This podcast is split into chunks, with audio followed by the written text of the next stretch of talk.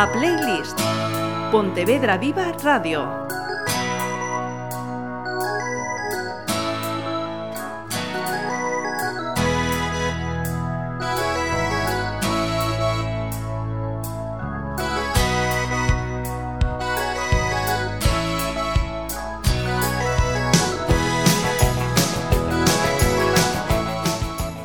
Hola y gracias por estar en esta edición de la playlist a la que va a poner nombre, contenido y música Manuel Jesús Núñez Fernández. Bienvenido y muchas gracias por estar aquí hoy.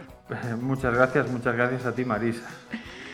Esta vez va a ser diferente porque no le voy a preguntar al, al invitado por ciertos datos de su DNI.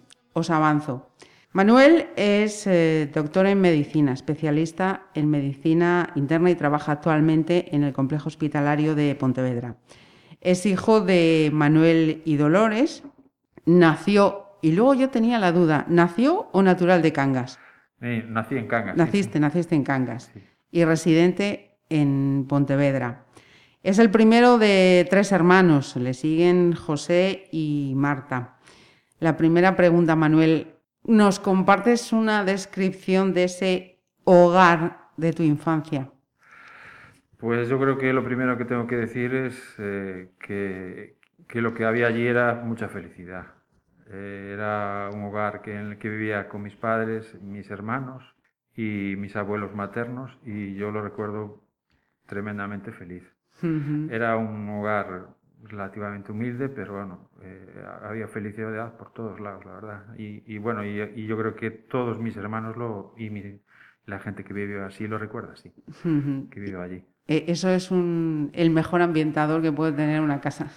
Sí, eh, siempre, había problemas y había como en todos lados, pero yo lo, recuerdo siempre así, un, hogar feliz, vamos, no, no tengo la menor duda. ¿Y qué música se escuchaba y quién o quiénes la ponían?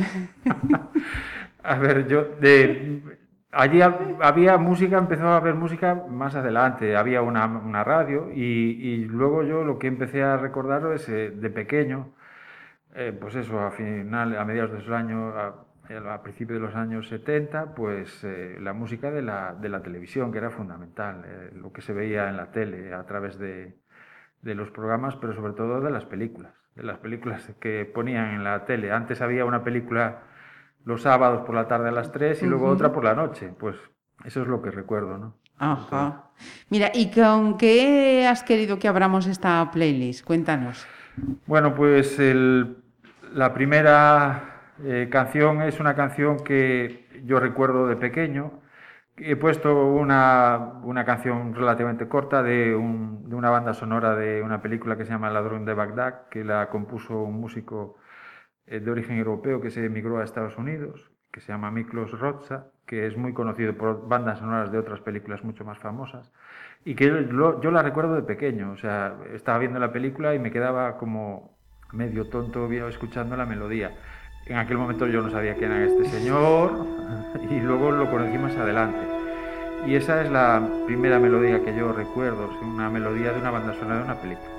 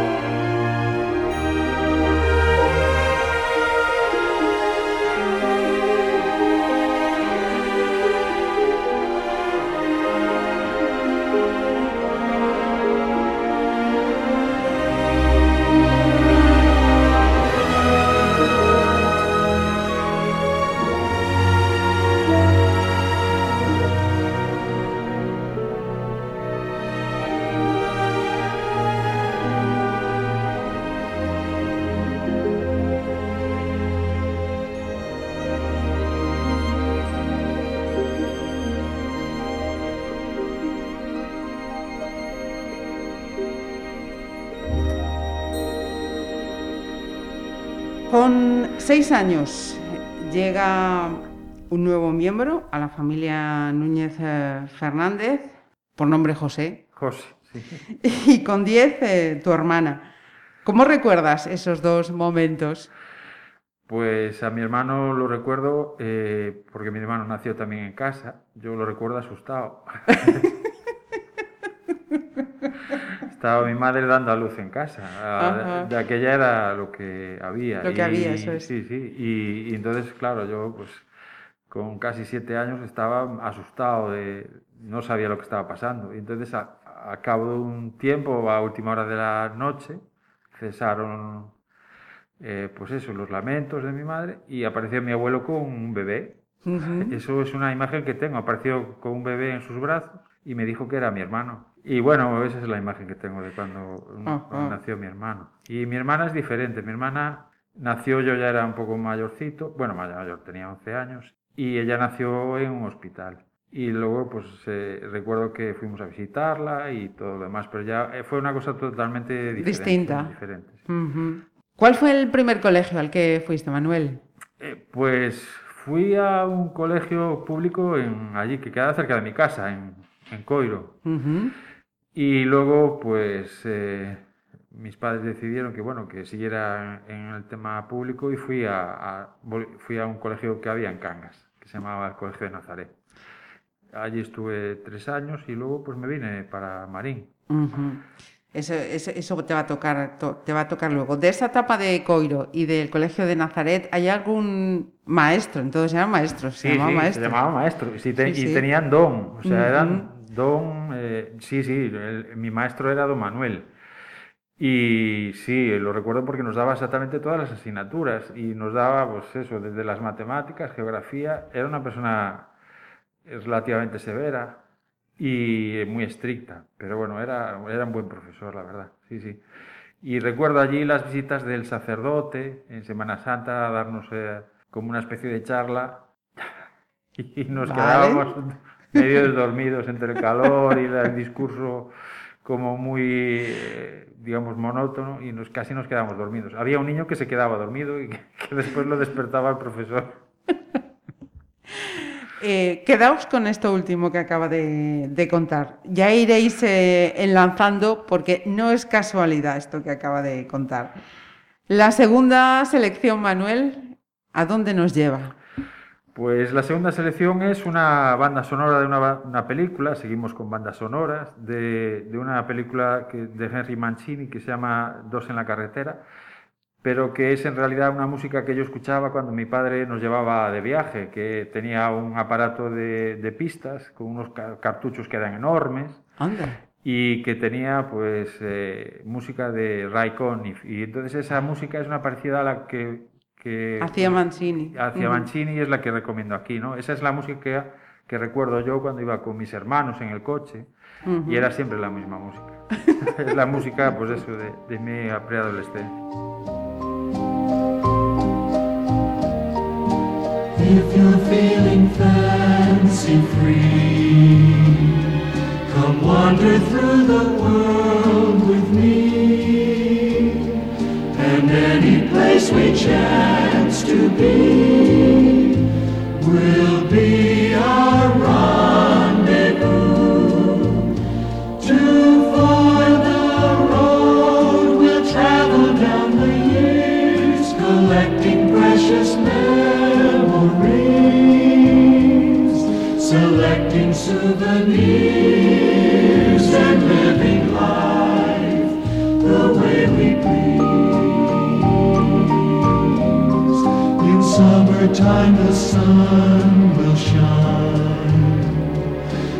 Winter will.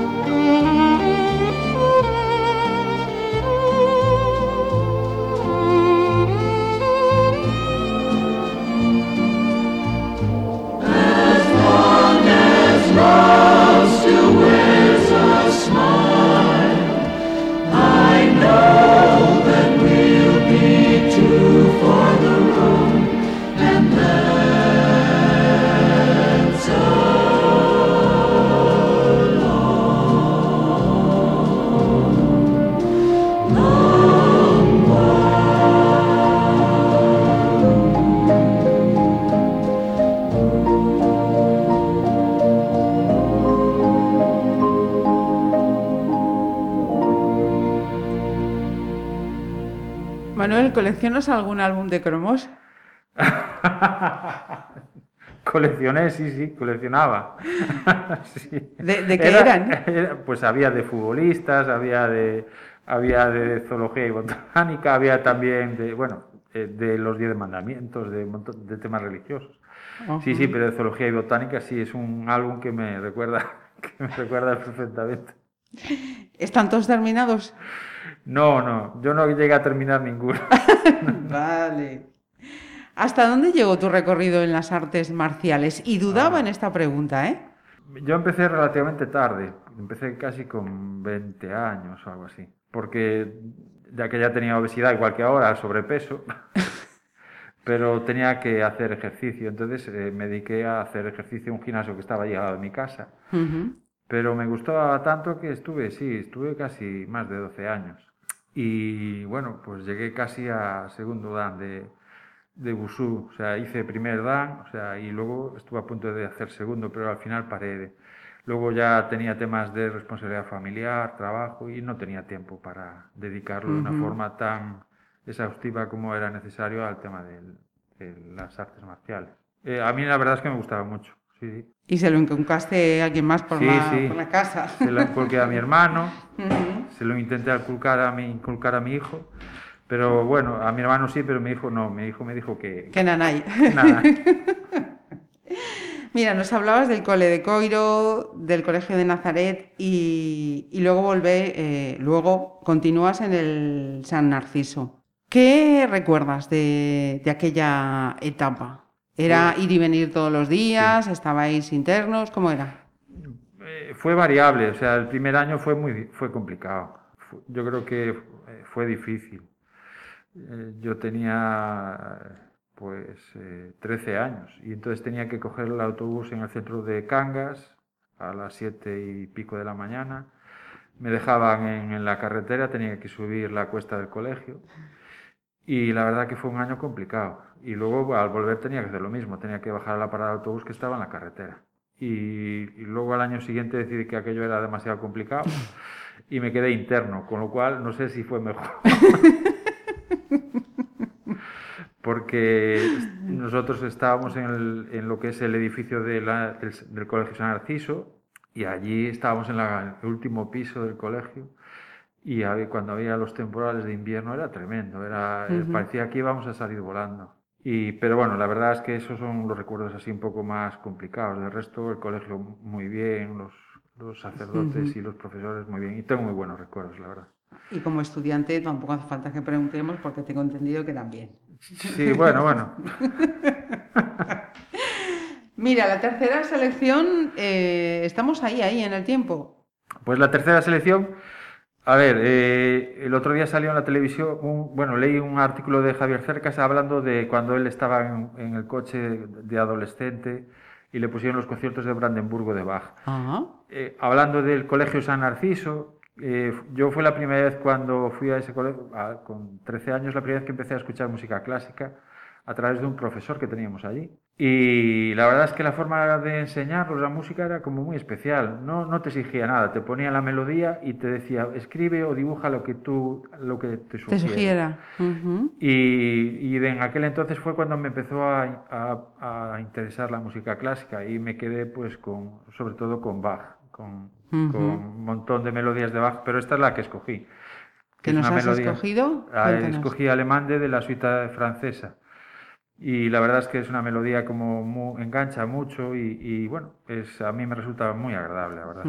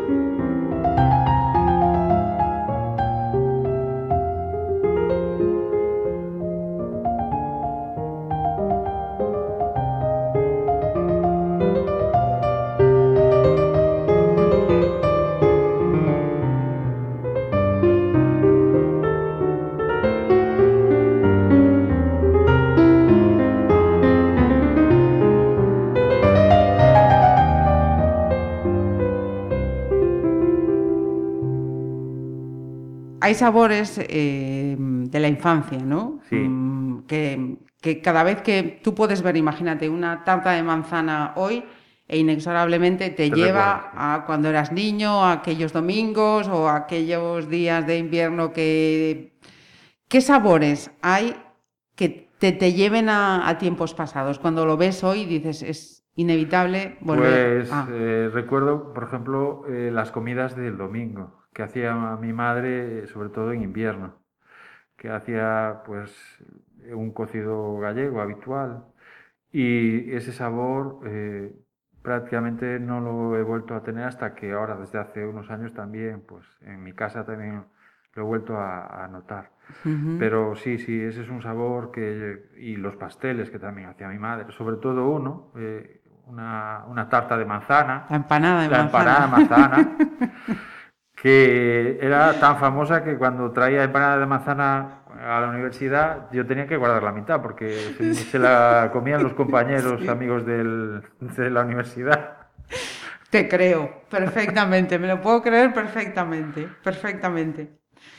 De hecho, eh, hay a quien la empanada de manzana le recuerda a Lolita, siempre, siempre. Mira, vamos al diccionario, al diccionario del morrazo, tengo que especificar. Definición de jodechincho. Uy, eh, puede herir sensibilidades, pero es- se refiere a aquel turista un poco pesado, eh, que no se adapta, que pretende hacer lo mismo que hace en su pueblo y que, bueno, que piensa que todo lo que ve allí es, es de él y, poco más. Esa es la definición del joder chincho. Ahí se puede atar cualquier tipo de persona procedente, incluso del extranjero. Y mientras los jodechinchos eh, recalaban en Cangas, ¿dó- ¿dónde iban de, de verano la familia Núñez Fernández?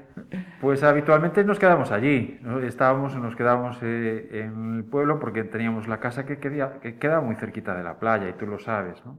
Era andar pues cinco minutos, cruzar la carretera, que era la única dificultad que había así importante y luego ya estabas en la playa. Ujú. Y, y luego pues habitualmente marchábamos a, algunas veces a final de verano, septiembre, marchábamos 15 días a Madrid, a, a lo que es la Sierra Madrileña, en la zona de, de Cercedilla. Ujú. Allí había una residencia de la empresa de mi padre que le concedía el permiso y íbamos allí. Por eso lo de los viajes en coche, Ah, lo de ah. Raikkonen, etc. Ujú. Y son buenos recuerdos también. Sí, sí. Ujú. ¿Qué le ponemos musicalmente a este momento? Pues en ese momento eh, yo era pues ya un adolescente y me dedicaba a escuchar, pues eh, buscaba un sitio y empezaba a buscar música diferente a la que escuchaba mi padre. y entonces, pues en aquel momento estaba de moda lo que era rock sinfónico y escuchaba pues eh, música como el corte de Genesis que se llama Cinema Show. Que es en realidad pues un extracto, una canción mucho más larga, pero que llama la atención porque es una cosa rara, tocan dos baterías, una melodía como bastante eh, impactante y la verdad es que es llamativa, sí.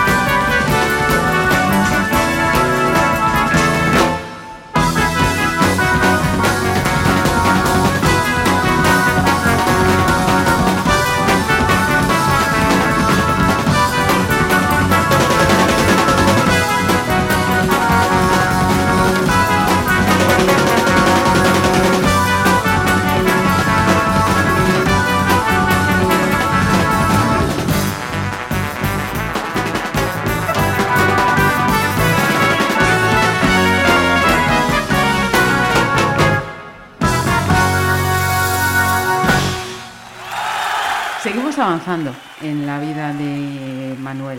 El día que supiste que habías aprobado selectivo, ¿puede ser uno de los días en que más rápido has subido unas escaleras y más veces has repetido aprobé, aprobé, aprobé?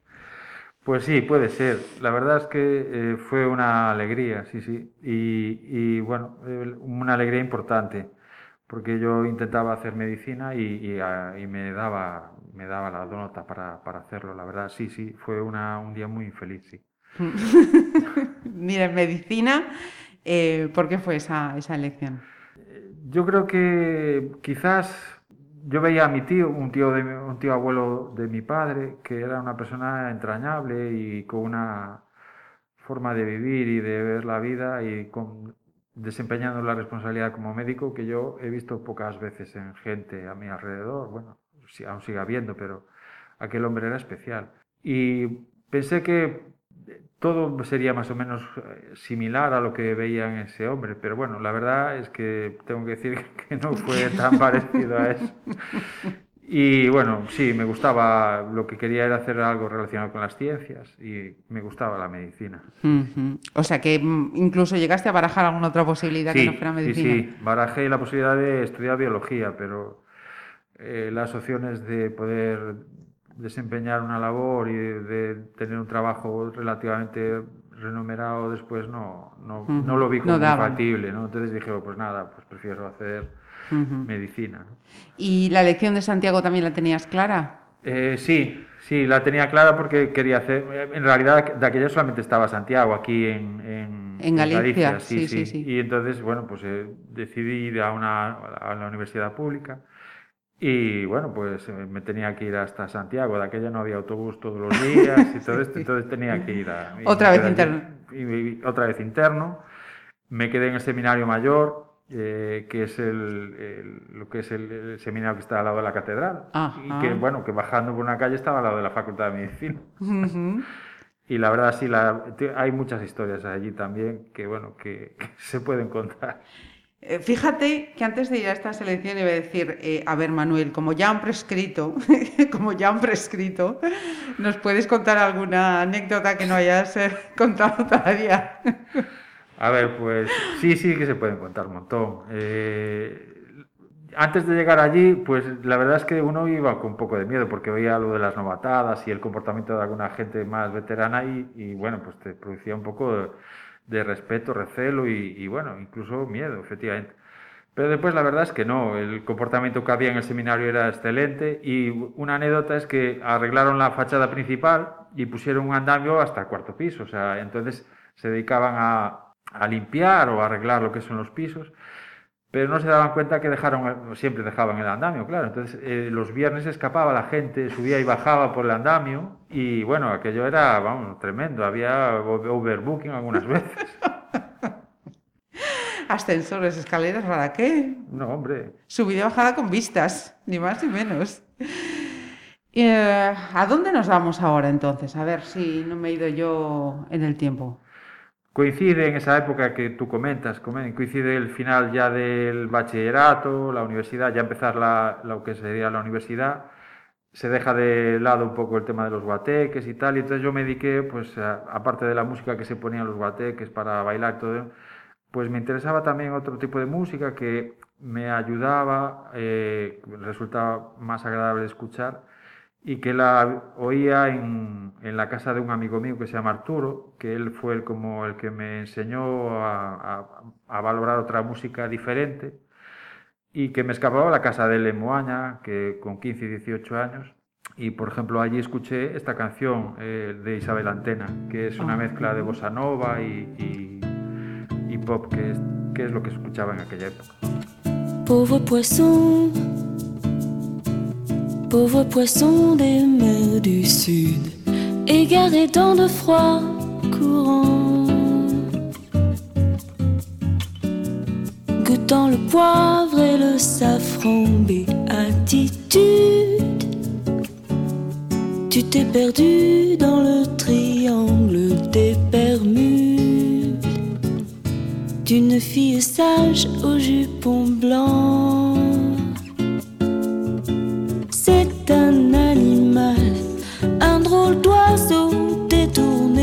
Mers du Sud. Par un souffle parfumé, vanille et jasmin mêlés, un drôle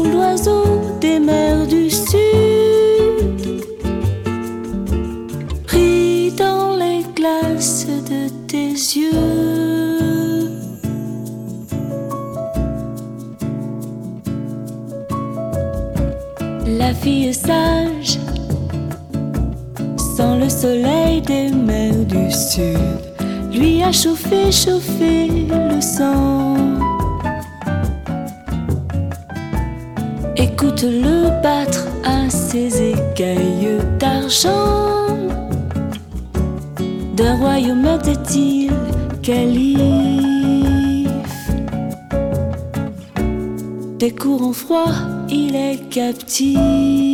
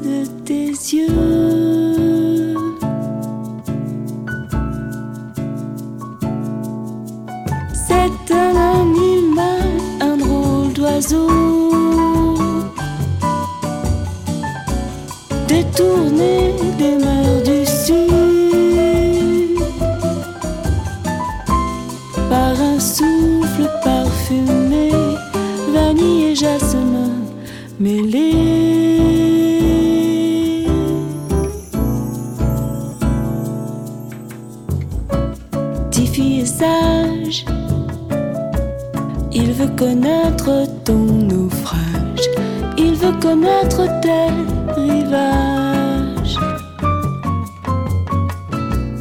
Où mille voix gémissent à l'ombre de tes plages pour que vous reposiez ensemble. Où le cœur de la mer valente,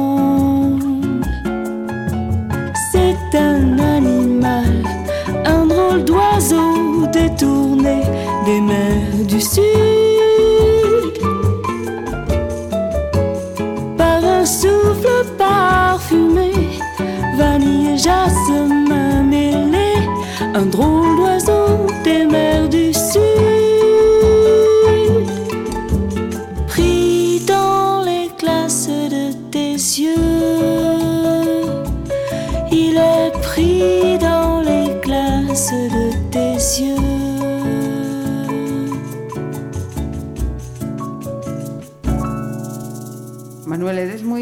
exquisito con el café? Pues voy a decir que no. ¿No? No. Yo, fíjate, eso se me escapa y he dicho, bueno, después de... Ya le vamos a encontrar explicación que no hay nada casual en esta charla. No, no, es, no, no soy nada exquisito eh, con el café. Soy poco exquisito en muchas, en la mayoría de las cosas, pero eh, reconozco que sí, que eh, tengo conocidos amigos que sí que son exquisitos, pero por ejemplo no. Yo tomo, hombre, si el café es muy malo no lo tomo, pero no, no, no soy exquisito. Ah, Pero en los hospitales tampoco es que seas... No, no, no, para nada. Para nada. Ni el café ni otras muchas cosas. Vamos a quedar bien.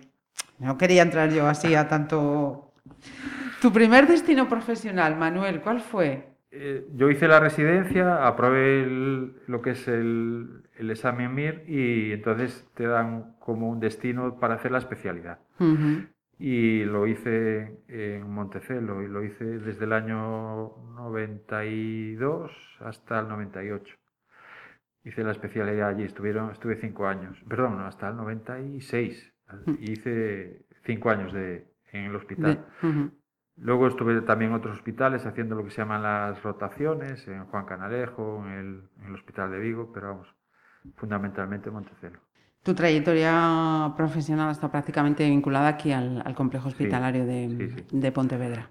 Mira, ¿qué tiene el, el- el final de verano o los finales del verano para que los, los hayas querido traer a esta playlist? La- es una época que recuerdo, o sea, el verano es una época que recuerdo con muchísimo cariño. Eh, recuerdo, pues, efectivamente, cuando veía amigos que se separaban de las novias del verano y, esa época, pues me llama mucho la atención. Yo la verdad es que no tuve mucho, eh, mucho recorrido en ese aspecto.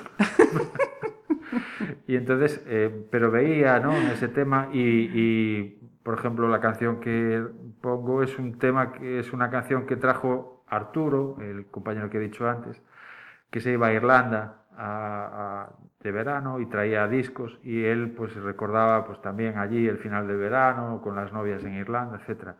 Y esta canción es una canción espectacular y, y recordaba, me recuerda mucho esa época. Ajá. Porque además, fíjate, mm, de entonces, cuando uno iba allí al Reino Unido, Sí. efectivamente se traía lo que tiempo después se iba a empezar a escuchar aquí. No es como ahora, que Spotify, etc, etc, está al alcance. No, de aquella, aquello era la avanzadilla real de lo que iba a venir luego. Tienes toda la razón del mundo, Marisa, y eso es verdad. Cuando venía de Irlanda, él venía triste, pero nosotros estábamos contentos, porque Sí. traía las novedades musicales que se escucharían después aquí al cabo de unos meses.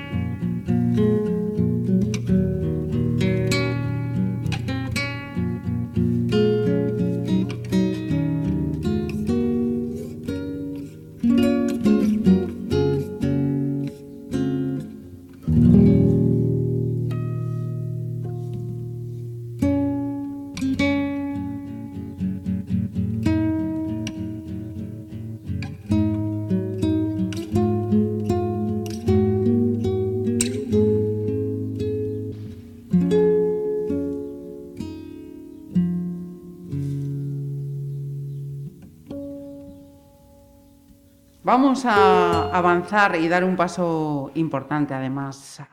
Hablamos de Alicia. ¿Cómo llega la vida de Manuel? Pues es un poco eh, simpática la situación porque yo la conocí eh, mientras trabajaba con otro compañero en, en Cangas. Y bueno, fue estar allí al lado de ella y bueno, pues sentirme como lo que se cuenta habitualmente, ¿no? En estas, en estas cosas. Y la verdad es que pues desde que la conocí, pues nada, fue todo maravilloso y en esa época la recuerdo con muchísimo cariño, la verdad. Sí. Eh, está vinculada también al ámbito sanitario. Sí, mi, mi esposa es enfermera, sí. Y del amor de pareja al que se profesa por los hijos, en vuestro caso, Javier y Mateo. ¿Cómo se te ha dado? ¿Cómo se os da esta otra profesión? Uy. No, no puedo opinar, desde, desde luego.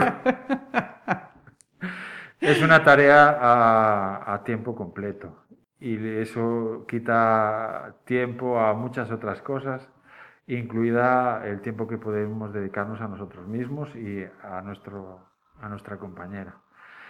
Y entonces, bueno, pues, eh, pero puedo decir con, sin ningún tipo de duda que es una felicidad absoluta. O sea, eh, igual que la felicidad que yo vivía con mis padres y mis abuelos, es la felicidad que yo intento transmitir a, mis hijos en, en casa. ¿Y mm, va a seguir por la medicina o no? No, ha dicho que no. El mayor es una, una historia curiosa. Intenté que, que fuese del ámbito sanitario, eh, también un poco, bueno, pues eh, ante la insistencia de mi madre, que decía que, bueno, que era una pena y, y tenía razón, que no hiciese medicina, pero eh, él lo tenía muy claro, no, eh, no quiso y lo llevó el lado oscuro, lo llevó al lado oscuro mi hermano, mi hermano es ingeniero de telecomunicaciones y, y ahora mi hijo pues terminará en breve la carrera de telecomunicaciones, sí, sí. Lo, lo llevó al lado totalmente, vamos. Todavía hay esperanza con Mateo. Sí, Mateo dice que quiere ser médico. Eh, estamos intentando, pues, eh, ponerlo en, en antecedentes, incluso decirle que, bueno, pero me parece que está resistiendo. ¿eh? Bueno, creo que todavía queda alguna opción más por la rama de químicas, ¿no? Eh, sí, sí, él quiere hacer una ciencia, sí, pero vamos, que no sabe, no sabe exactamente lo cual, qué es lo que quiere, Ajá. quiere estudiar. Bueno, con calma, Mateo, que no te atosiguen, ¿eh? Que no te atosiguen. Séptima selección, y no sé si tiene relación con Alicia o con no. Cuéntame. Pues eh, en principio es una, una selección global, o sea, es una canción que habla sobre eso, sobre el amor entre un hombre y una mujer, y hace referencia también pues a un compositor, a un pianista, que es una cosa excepcional, que es Abe Rábade, que la verdad es que lo que yo tengo por este hombre es admiración, porque en realidad es un fuera de serie. Y esta melodía es una cosa espectacular. Camariñas. Sí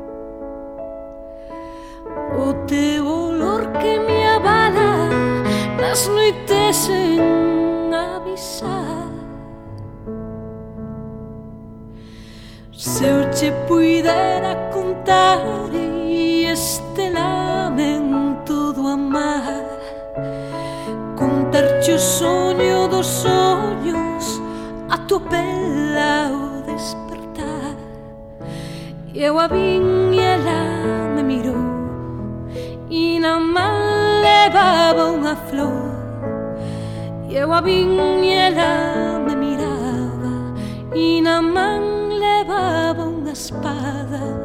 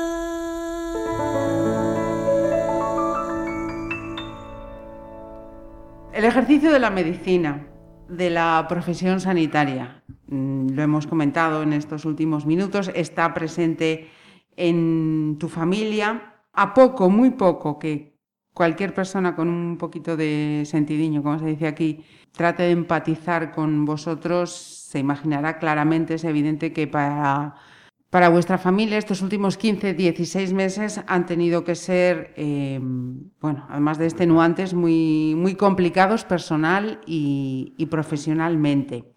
Y yo tengo que decir que si fuese profesional de la medicina, hasta diría que decepcionante viendo los comportamientos que se han ido produciendo desde que nos abrieron las puertas otra vez y bueno, hasta estos últimos días. No sé cómo, cómo lo ves tú. No quiero meterte ningún aprieto tampoco, ¿eh, Manuel? No, no, no, absolutamente no. Estoy totalmente de acuerdo contigo. Es una cosa eh, decepcionante, yo creo que esa es la palabra.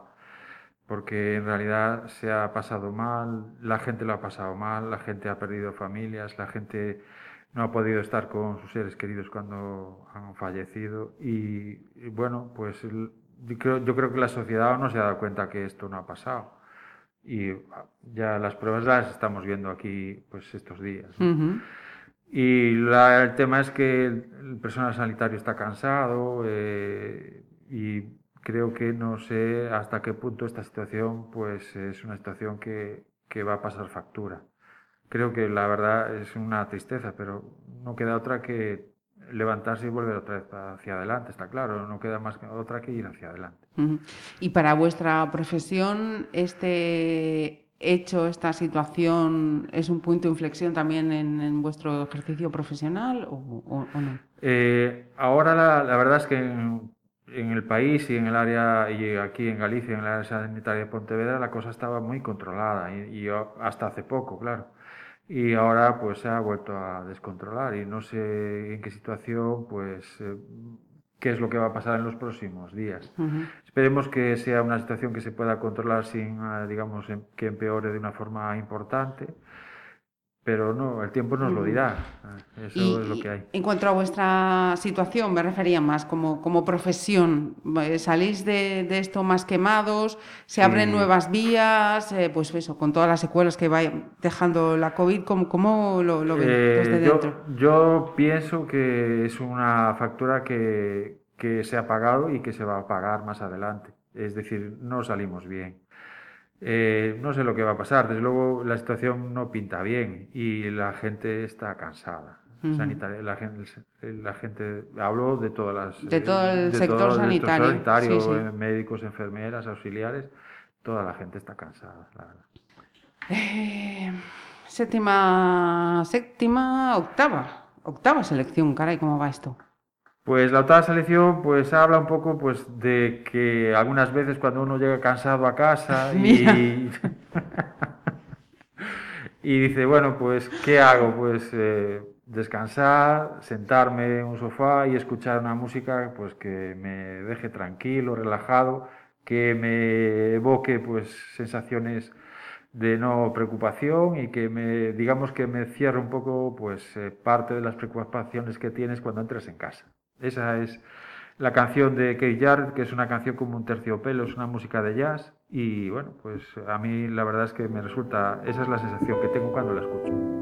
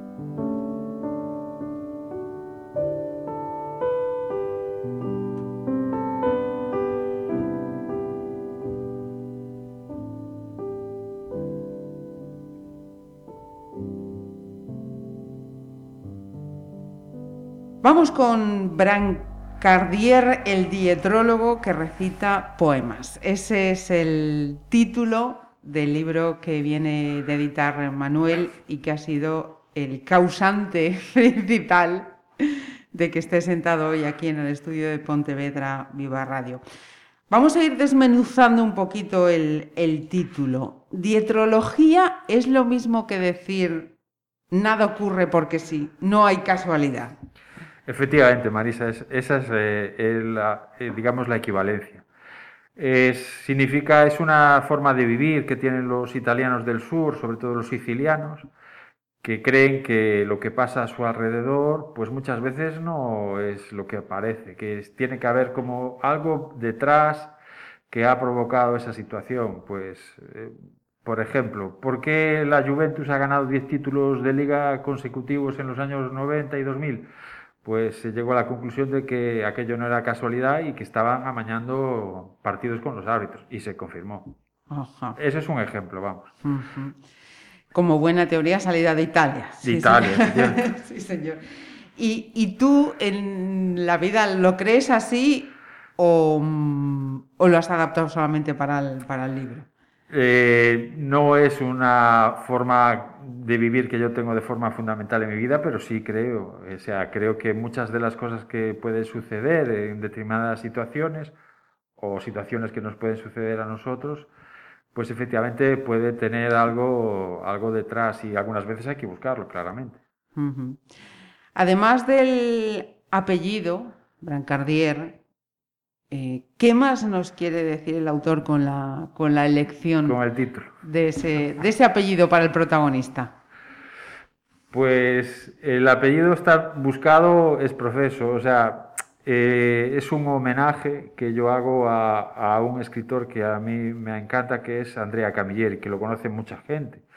Es el famoso escritor siciliano que, vive, que vivió en Roma, se murió hace dos años, poco antes del COVID, y, y que es el, el inventor del comisario Montalbano. Entonces, él inventó un personaje, el comisario Montalbano, y el nombre, el apellido se lo puso en honor a un amigo que tenía, que era Vázquez Montalbán.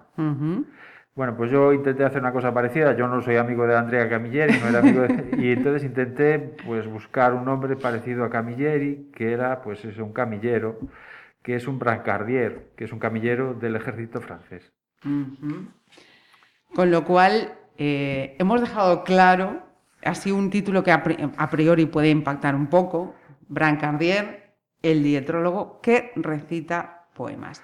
El título, del título, perdón, el libro eh, se compone de cuatro historias con Brancardier, médico, como ta- protagonista, con un lugar común, Cunderán, y no vamos a desvelar nada más porque hay que leerlo. Ya lo podéis comprar y vamos a decir dónde lo podéis adquirir.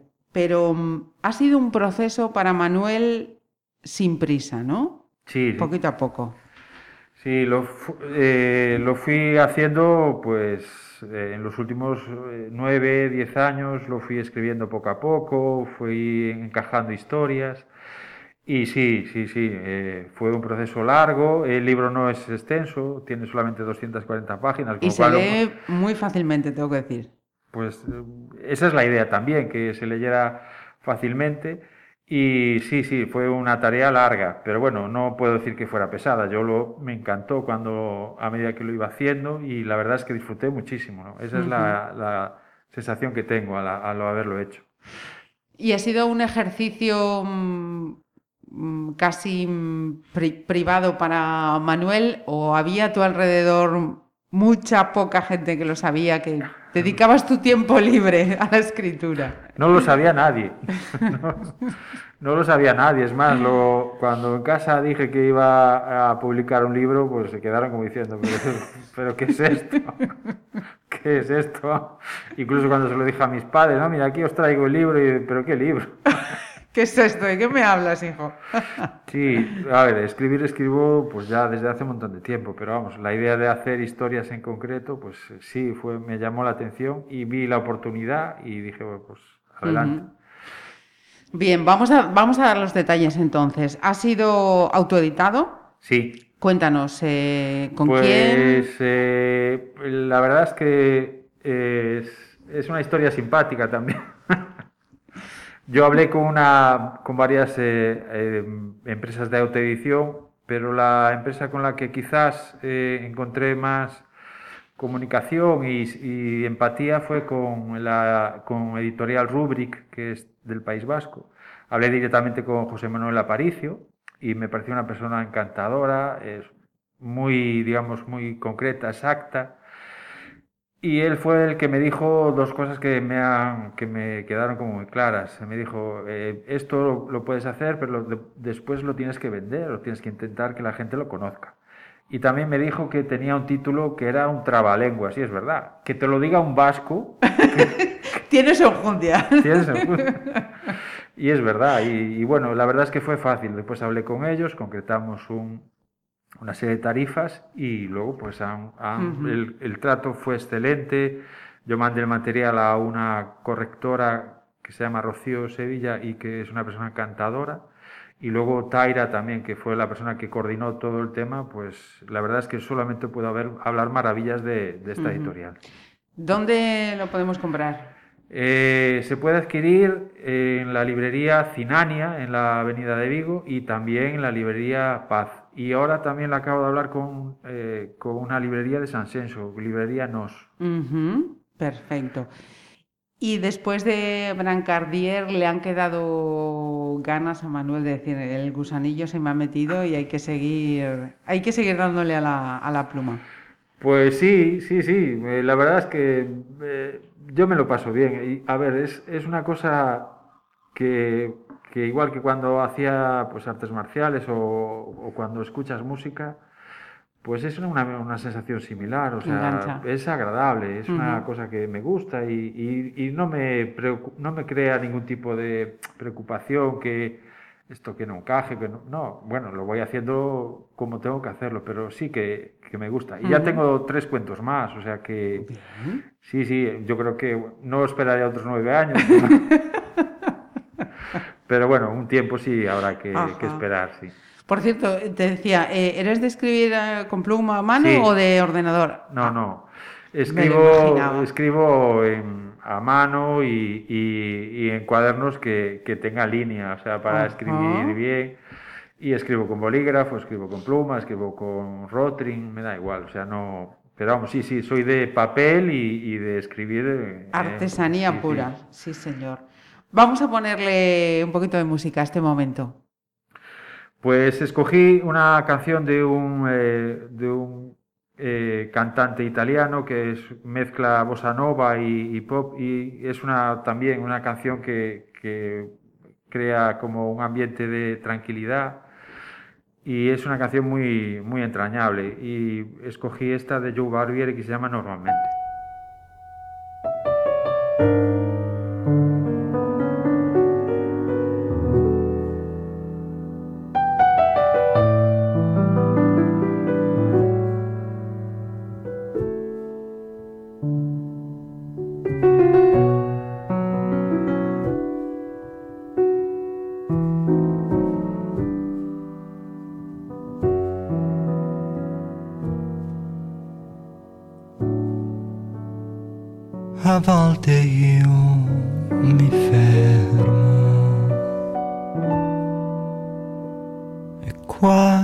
Qualsiasi cosa faccia,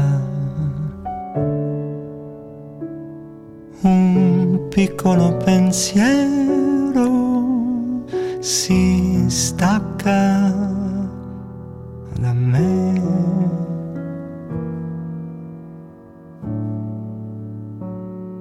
lo vedi trasparente.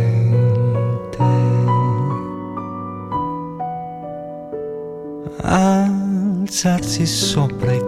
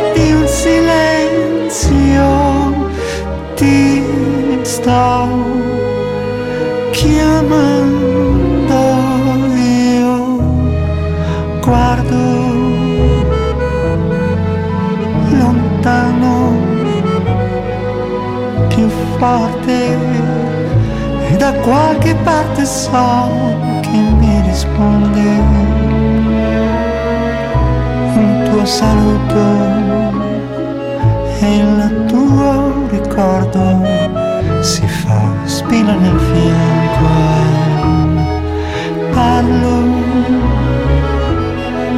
con te. Ogni sera di piccoli progetti senza fretta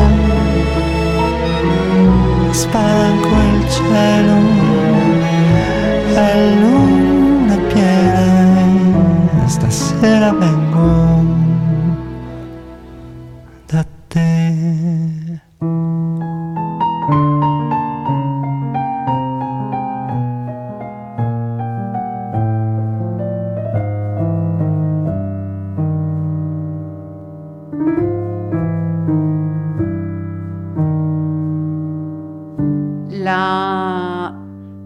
dedicatoria de este libro y esta misma charla también nos ponen de manifiesto la importancia que, que para el protagonista de esta playlist tiene la, la familia.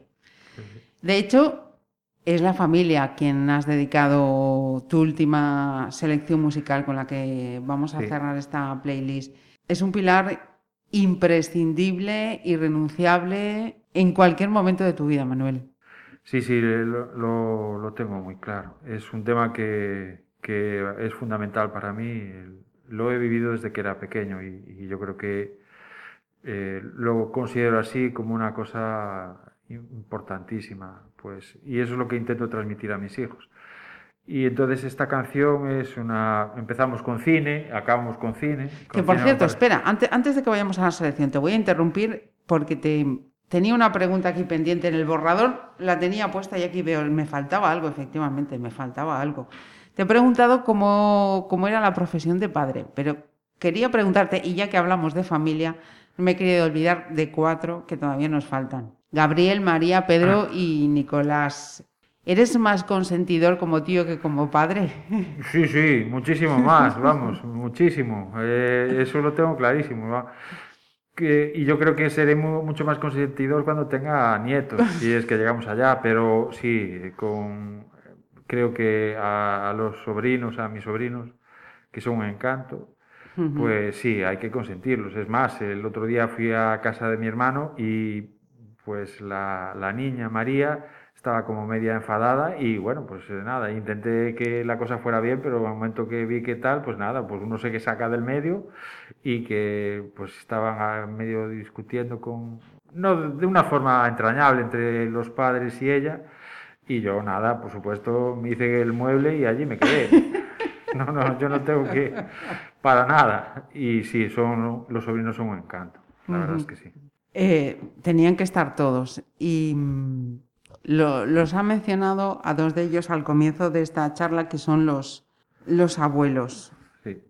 Es que hay ausencias que, que, aunque no estén físicamente, siguen estando siempre, ¿verdad? Yo a mis abuelos, mis abuelos paternos, a, a mi abuelo paterno no lo conocí, se murió antes de que yo naciera. Y mi abuela materna, la relación que tenía con ella era pues una relación pues de, de nieto y abuela, pero ella vivía con su otro- con las con otros hijos, no con mi padre. Y pero mis abuelos maternos me criaron, o sea, y la relación Espera, ah, espera, es que se, se te ha, se te ha ido. Era tu abuela paterna de la que hablabas y con la que viviste eran tus Sí, abuelos perdón, maternos. Viví con mis abuelos maternos, los padres de mi madre.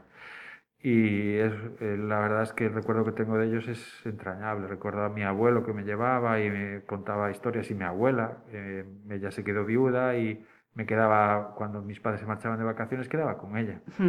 Y me contaba historias de su familia y, y la vida que tenía y bueno, pues eh, y la forma de, que tenía de vivir en aquella época difícil de la guerra civil. Y bueno, pues eh, son historias y, y, eh, personas y caracteres que te, que te quedan ahí como impregnados para toda la vida. Y yo creo que eso es una cosa fundamental. Y mis padres, pues igual. O sea, yo de mis padres no puedo decir absolutamente, son una verdadera maravilla y me, me han dado todo lo que soy hasta ahora. O sea, que yo creo que, por eso creo que la familia es fundamental. Pues por eso están aquí, ¿no? Sí, sí. Con la última dedicatoria que te había interrumpido, perdona. Eh, se lo dediqué a, a la familia y, y especialmente a mis abuelos que han, que han fallecido. Por eso pongo que solamente lo leerán cuando nosotros no lo veamos. Y bueno, pues a, ellos va fundamentalmente la dedicatoria, por supuesto que sí. Y esta última selección, que es Ah, bueno. brutal, brutal y dedicada a ese pilar fundamental que es la familia. Manuel, cuéntame. Sí, pues eh, porque escogí esto, pues porque hace años, cuando cumplieron los 50 años de matrimonio, eh, mi hermana escogió como banda sonora eh, la de Cinema Paraí- Paradiso, que es una historia también familiar, de niños, que es preciosa, y la melodía es una cosa espectacular. Ujú. Y por eso, pues eh, recordando eh, el vídeo que había hecho mi hermana en relación con mis padres, mis abuelos y todo lo demás, pues creí que era adecuado volverla a poner. Y por eso lo escogí y creo que es una melodía que a- le gusta absolutamente a todo el mundo y bueno, escogí tres, pero cualquiera de las tres se puede escuchar. Que, Pues bueno, vamos a escuchar a las tres. Hay un mix ahí de las, de las tres, como no podía ser de otra manera, para terminar esta, esta playlist. Eh, de verdad, muchísimas, muchísimas gracias. eh, ahora lo vamos a fastidiar al final. por esta entrevista, por este libro, por las dedicatorias de este libro y por otras muchísimas cosas que no vamos a decir, pero que, que ya las sabemos, ¿vale? Bueno, yo tengo que darte las gracias a ti, Marisa, y que para mí ha sido una verdadera eh, alegría y, y, bueno, pues una emoción tremenda eh, volverte a estar contigo.